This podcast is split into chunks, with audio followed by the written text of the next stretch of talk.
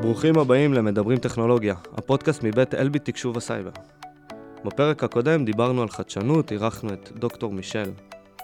בעקבות התגובות הנלהבות וההייפ שהפרק יצר, החלטנו היום להקליט את חדשנות מהסרטים, שבו נארח את עדי, סמנכ"ל החדשנות שלנו, ונסקור איתו את מצעד הטכנולוגיות המפתיעות שהופיעו בסרטים. הולך להיות פרק מעניין, כרגיל, האזנה נעימה. ברוכים הבאים לפודקאסט של חברת אלביט מערכות תקשוב וסייבר. אהלן עדי, ברוך הבא. אהלן. טוב, אז לפני שנצלול, כרגיל, אשמח שתציג את עצמך קצת. לי קוראים עדי, אני סמנכ"ל חדשנות בחטיבת תקשוב וסייבר. אני עובד באלביט כבר 20 שנה. אני גרוש ואב לארבעה ילדים, גר באורנית. וואו, אורנית זה פתיחת מרחק. לא נורא, לא נורא. זה... קודם גרתי בתל אביב, זה מאוד מאוד דומה מבחינת המרחק. טוב, עדי, אז זה תפקיד שאף פעם לא שמעתי. סמנכ"ל חדשנות. אז אנחנו קבוצה קטנה מאוד של שלושה אנשים, שהמטרה שלנו זה לבנות תפיסות חדשניות שמשולבות בטכנולוגיות, ולהכניס טכנולוגיות מבדלות לחטיבה. טכנולוגיות חדשניות, מבדלות, שיאפשרו לייצר יתרון עסקי. הקבוצה מעבר אליי מונה עוד שני מנהלי פעילויות, שהם מובילים את פעילויות המו"פ. רוב פעילויות המו"פ שאנחנו מבצעים מתבצעות מחוץ לחטיבה, מתבצעות על ידי יועצים, אוניברסיטאות, קבלני משנה, וככה אנחנו מקדמים את הנושאים עד רמת הבשלה כזאת שאפשר להכניס אותה לחטיבה, ומשם מתחילים פעילות אולי יותר ממוסדת בתוך החטיבה. זאת אומרת שזה פחות end uh, zone, אלא יותר uh, מחקר, מחקר שוק. זה בעיקר לזהות טכנולוגיות מבדלות ולהוכיח שהן יכולות להתאים לצורך כזה או אחר של הלקוחות שלנו, שמשם אפשר להמשיך למערכת משמעותית שנותנת ערך. רגע, עדי, זיהית איזשהו רעיון חדשני על גבול המדע בדיוני? איך זה מגיע מרעיון ל... בחינה של מוצר, או אפילו מוצר כאן אצלנו באלביט. לאורך השנים זיהינו לא מעט כאלה טכנולוגיות שהכנסנו אותן פנימה. דוגמה אחת זה טכנולוגיה של רדיו רב ערוצי. בתחילת הדרך הרצנו את הפרויקט הזה על ידי חברת סטארט-אפ קטנה שבנתה יכולת ראשונית. ברגע שהיכולת הראשונית הזאת הוכחה כמשהו ולידי ועובד, הכנסנו את זה פנימה והיום זה אחד המרכיבים המשמעותיים ברדיו, במשפחת הרדיו אילינקס. דוגמה נוספת שאני יכול לתת זה טכנולוגיה שבה בונים עולם תלת מימדי מתוך סרט וידאו. אנחנו זיהינו את הטכנולוגיה הזאת כבר לפני הרבה מאוד שנים, כמעט בתחילת הדרך ש... שהייתי באלביט. והטכנולוגיה הזאת בסופו של דבר אחרי שהוכחנו שיש לה ערך ויכולה לתת אה, אה, ערך מבצעי היא הועברה לקבוצה של מפקור והם בעצם היום משתמשים בה כאחת מטכנולוגיות הבסיס שבעזרתה הם בונים חלק מהיכולות שלהם וחלק מהמוצרים שלהם. אני רק אזכיר שמי שרוצה לשמוע את זה צריך לקפוץ שתי פרקים אחורה על פורצים דרך ושם אנחנו מראיינים את החבר'ה ממפקור שבדיוק אה, מסבירים על הטכנולוגיה הזאת. מגניב. אה, טוב, אז רצינו לעשות איזשהו מצעד אה, טכנולוגיות מפתיעות, מסקרנות. מוזרות אפשר להגיד, שמופיעות בסרטים, ושיש להם בסיס מדעי. אז לקחתי ארבע טכנולוגיות מפתיעות כאלה, וסידרתי אותן uh, לפי סדר uh, עולה. במקום הרביעי, uh, גלימת ההיעלמות של הארי פוטר. כמו שכולנו מכירים, בסרט הארי מקבל גלימה, שברגע שהוא מתעטף בה הוא נעלם, או יותר מדויק, מתמזג עם הרגע באופן מושלם. וגם עכשיו בסרטים אנחנו מתחילים לראות uh, דוגמאות כאלה שמתחילות קצת להיות יותר מוחשיות ואמיתיות. חליפה עם מצלמה שמשדרת מה שהיא רואה אחורה. יש היתכנות לטכנולוגיה כזאת?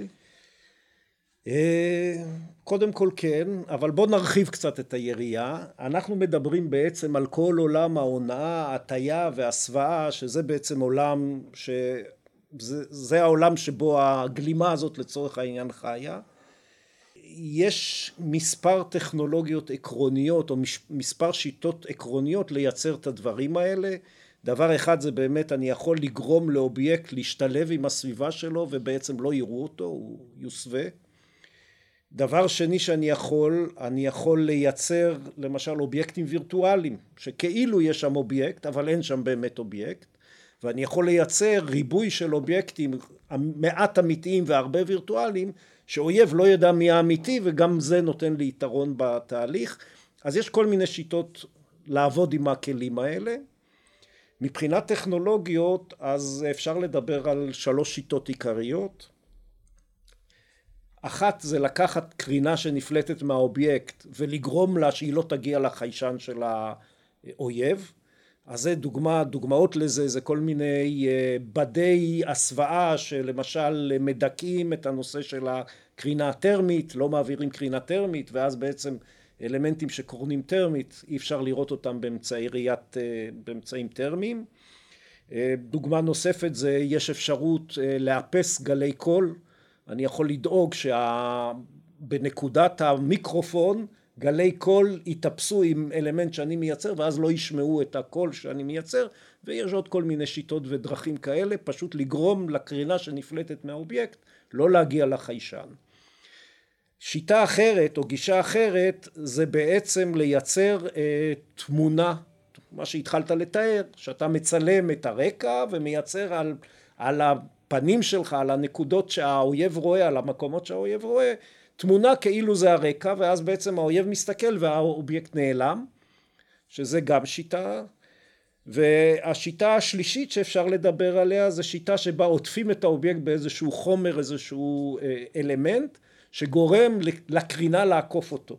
זאת אומרת האובייקט נעלם כי פשוט הקרינה לא עוברת דרכו אז האויב לא יכול לראות אותו.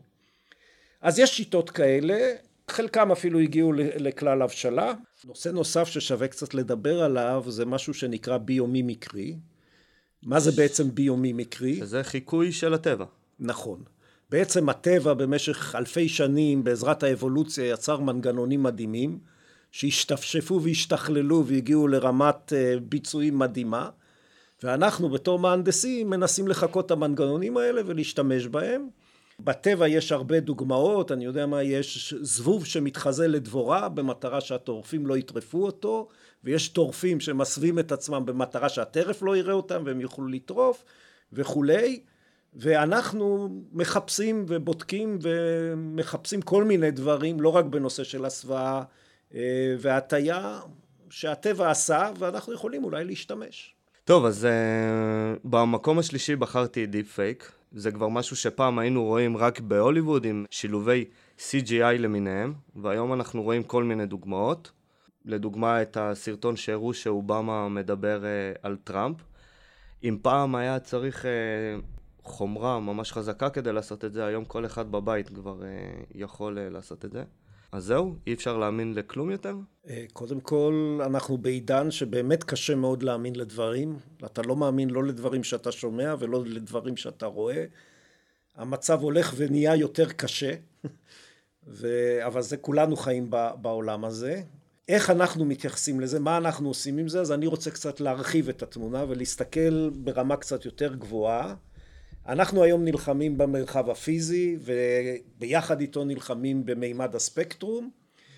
אנחנו גם נלחמים במימד הסייבר, כולנו יודעים שבאזורים האלה יש מלחמה. יש עוד מלחמה שהיא מאוד משמעותית, זה מלחמה במימד התודעה. בייחוד בעידן הנוכחי, שאנחנו נלחמים באלמנטים אסימטריים, הלחימה במימד התודעה היא מאוד משמעותית.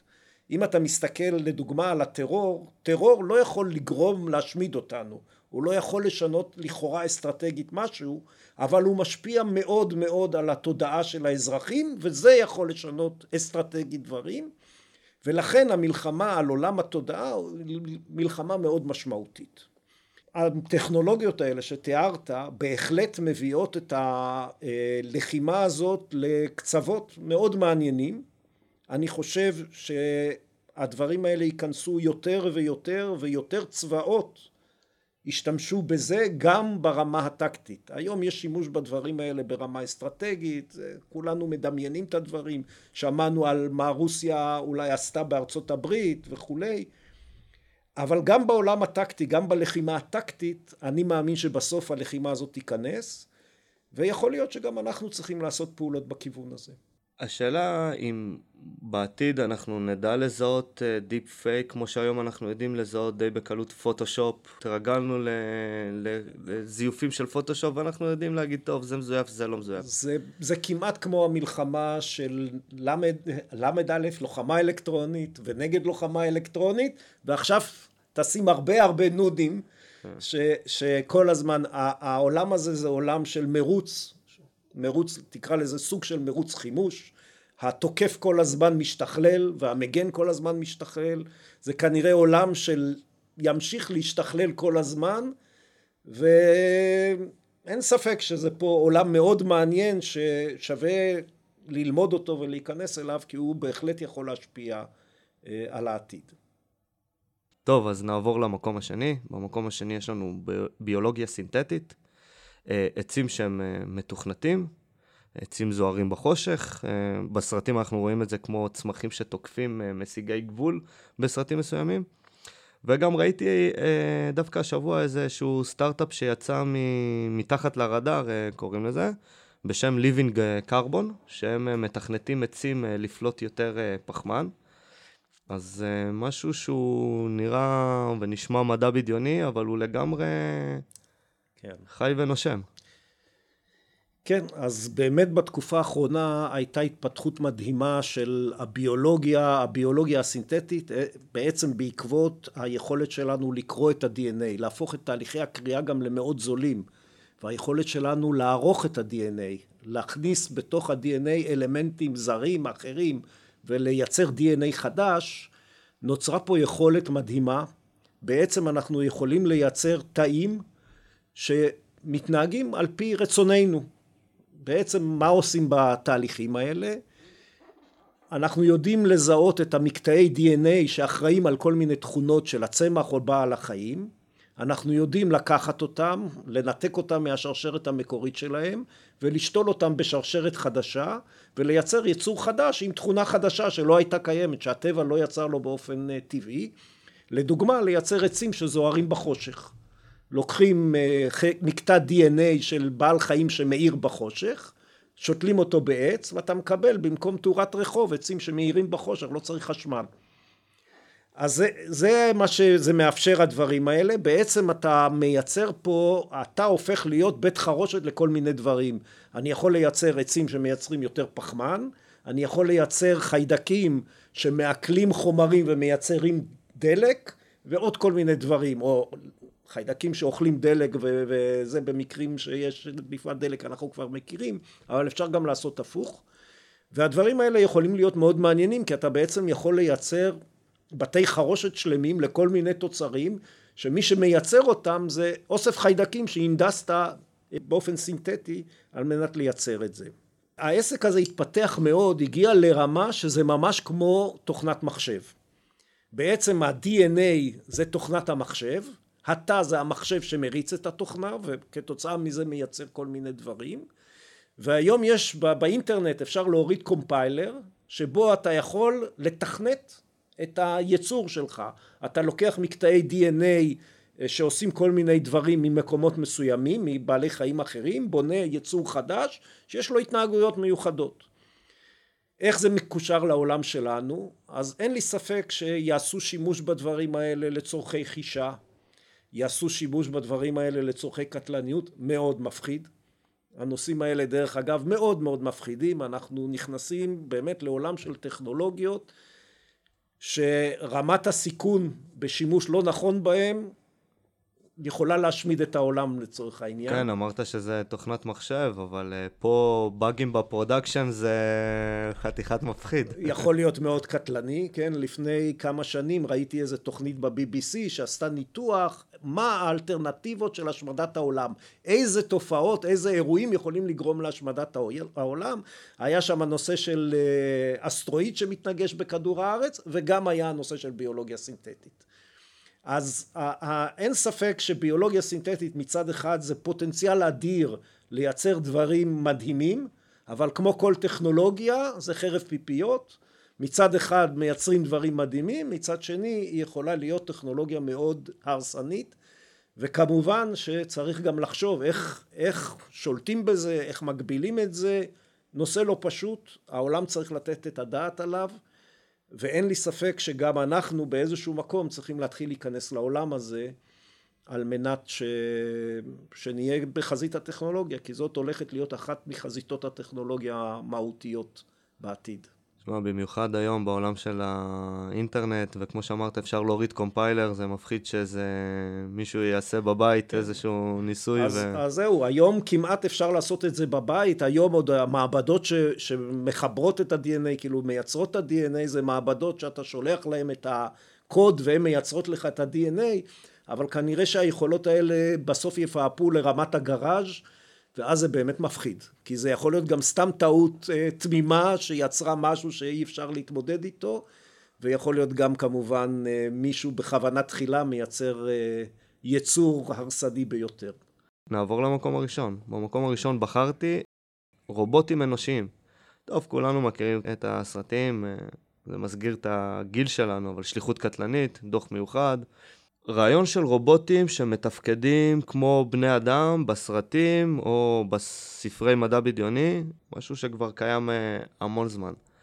אנחנו הולכים לראות בשדה קרב אה, רובוטים אה, לצידנו? רובוטים אנושיים, לא okay. אוקיי. רובוטים של חבלן. קודם כל, אני לא בטוח שהמושג רובוטים אנושיים רלוונטי לעולם שלנו. רובוטים אנושיים צריך אותם, זאת אומרת רובוטים שנראים כמו בני אנוש ו- ואולי הבעות פנים ודברים כאלה, אני מניח שהם יותר רלוונטיים למקומות שבהם הרובוט מתקשר ונמצא באינטראקציה מול בן אדם, נותן שירות לבן אדם. אתה אומר בתי מלון, מסעדות. בתי מלון, מסעדות, אולי uh, טיפול בקשישים, שם אני מאמין שיהיה מקום לרובוטים אנושיים. אבל בעולם שלנו הנושא של רובוטים ואלמנטים אוטונומיים שמתנהגים באופן אוטונומי ועושים דברים אין ספק שזה אנחנו כבר שם. זאת אומרת אם לפני כמה שנים כשהיו באים אליי ושואלים אותי האם להיכנס לתחום? האם יש סיכוי שהעסק הזה יעבוד?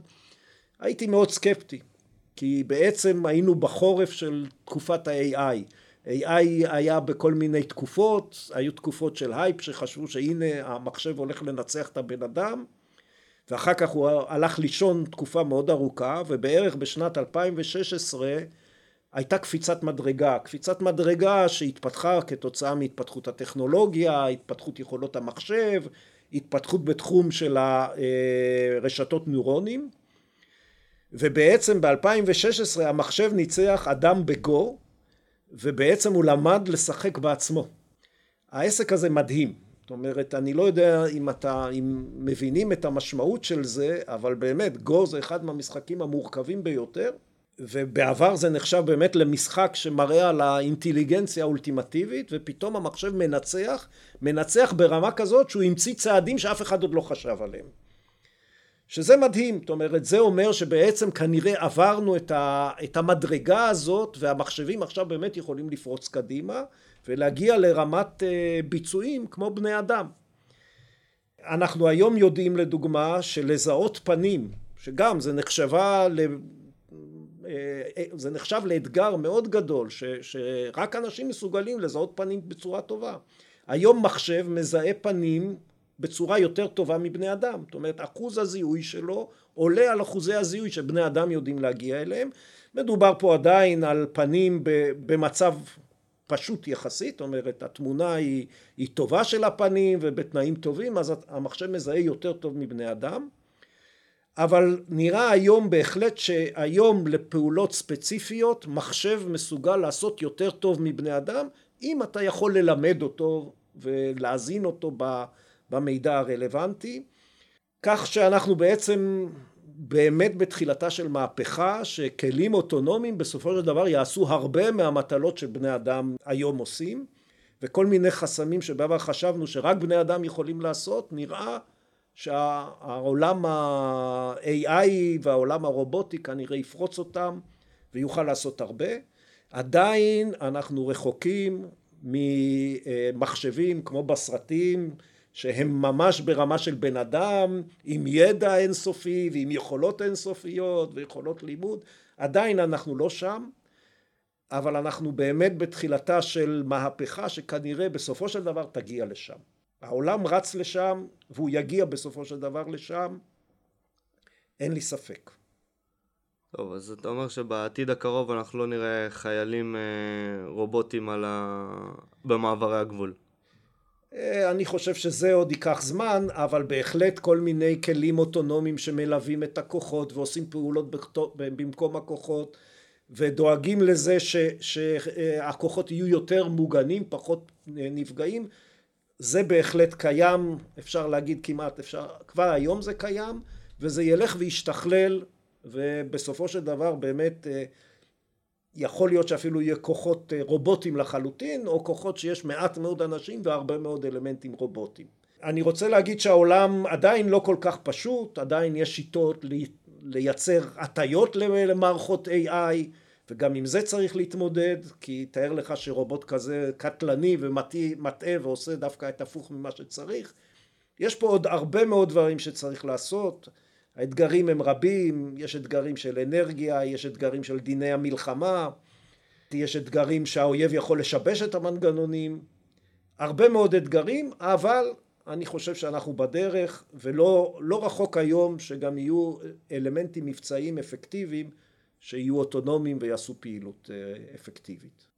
טוב, אני לא יודע אם זה יותר מדהים או יותר מפחיד, אבל... אה, לא, אז, אז גם זה, אני רוצה להגיד לך שבתחילת הדרך, שהבנתי שהמהפכה הזאת על סיפה, שבאמת אנחנו נמצאים שם, אז כמה לילות לא ישנתי במחשבה האם אנחנו נכנסים לשם או לא נכנסים לשם. אבל לצערי אנחנו יודעים שבעולם התחרות, ולא תחרות כלכלית, תחרות על ה... אם אנחנו לא ניכנס, האויבים ייכנסו. אז אם אנחנו לא נהיה שם, מישהו יעקוף אותנו, ואם זה האויב שלנו, זה בעיה. טוב, אני רק אגיד למאזינים שמי שרוצה לשמוע על אה, כל העולם של רובוטים, יכול אה, לחזור לפרק 2 שלנו, ידידו הטוב של האדם 2.0, שבו אירחנו את אה, עמי, ופירטנו את הנושא הזה לעומק. טוב, עדי, אחרי שסגרנו קצת את המצעד הטכנולוגיות, קצת על הקבוצה, הייתי שמח לשמוע איך מגיעים לטכנולוגיות, שיתופי פעולה עם אקדמיה, אתם מחפשים, מחפשים אותנו, פונים אליך, אה, קצת על הפלואו. תהליך העבודה שלנו מבוסס על הבנה עמוקה של צורכי הלקוחות. לא, הלקוחות לא כולם מבינים או יודעים לדרוש דברים שהם לא מכירים. ו... אבל אם אני מבין את הצרכים שלו, אני יכול להתאים לו יכולות טכנולוגיות, פתרונות שהוא אפילו לא חושב עליהם, כי אני מבין מה הוא צריך. אז קודם כל אנחנו מנסים להבין היטב את הצרכים של הלקוחות. היתרון שלנו שאנחנו מחוברים ללקוחות, לקוחות מאוד טובים, שמהם אנחנו מבינים טוב את הצרכים של עולם, ה... העולם שבו אנחנו פועלים, עולם המלחמה, עולם הביטחוני. אז קודם כל אנחנו צריכים להבין את הצרכים.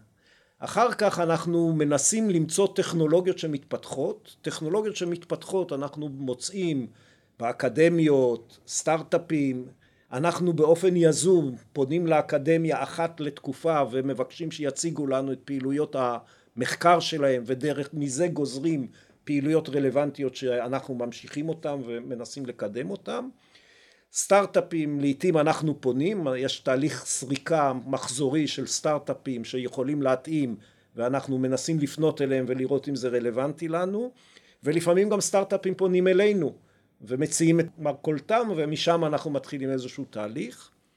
ברגע שזיהינו ובנינו איזשהו רעיון, איזושהי תפיסה שמחברת צורך עם אה, טכנולוגיה, אנחנו מנסים להוכיח היתכנות. אנחנו לוקחים את אותה טכנולוגיה בוחנים איפה נקודות הכשל האפשריות אה, ומנסים להוכיח שאפשר להתגבר על נקודות הכשל, שאפשר להתאים את הטכנולוגיה ולתת מענה לצורך. זה בעצם השיטה, זה עיקר הפעילות של אותם מנהלי פעילויות מו"פ שלוקחים טכנולוגיה ומנסים להראות שהטכנולוגיה יכולה לפתור צורך מסוים. אחרי שהראינו שהטכנולוגיה יכולה לפתור צורך מסוים אז אפשר להעביר אותה אולי לשלב הבא שזה לפתח סביבה פרויקט, מערכת שבסוף נותנת מענה לצרכים מסוימים של הלקוח והופפולי גם נותנת לנו יתרון אה, אה, מסחרי משמעותי מול האחרים כי אחרים אולי לא זיהו את הצורך בזמן או לא מצאו את הטכנולוגיה בזמן ועל ידי זה אנחנו מקבלים יתרון מסחרי.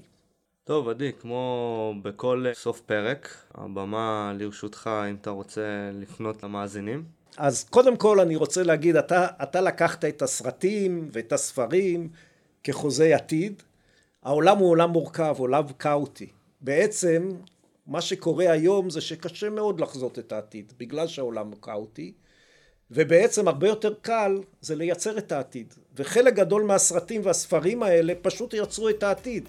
ברגע שהם שמו דמיון כלשהו, העולם הלך לשם. אז אנחנו מחפשים גם את הרעיונות האלה הדמיוניים שיכולים לעצב את העתיד וגם את הטכנולוגיות פורצות הדרך שיעזרו לנו לחבר את הרעיונות למשהו פיזיבילי וכל מי שיש לו רעיון או שיש לו טכנולוגיה אנחנו נשמח לשמוע עליה. טוב, אז אם uh, תהיו מעוניינים להגיע לעדי, תוכלו לעשות את זה דרך המייל של הפודקאסט, uh, אני מזכיר אותו, techtalks at elbitsystems.com. עדי, תודה רבה. תודה רבה.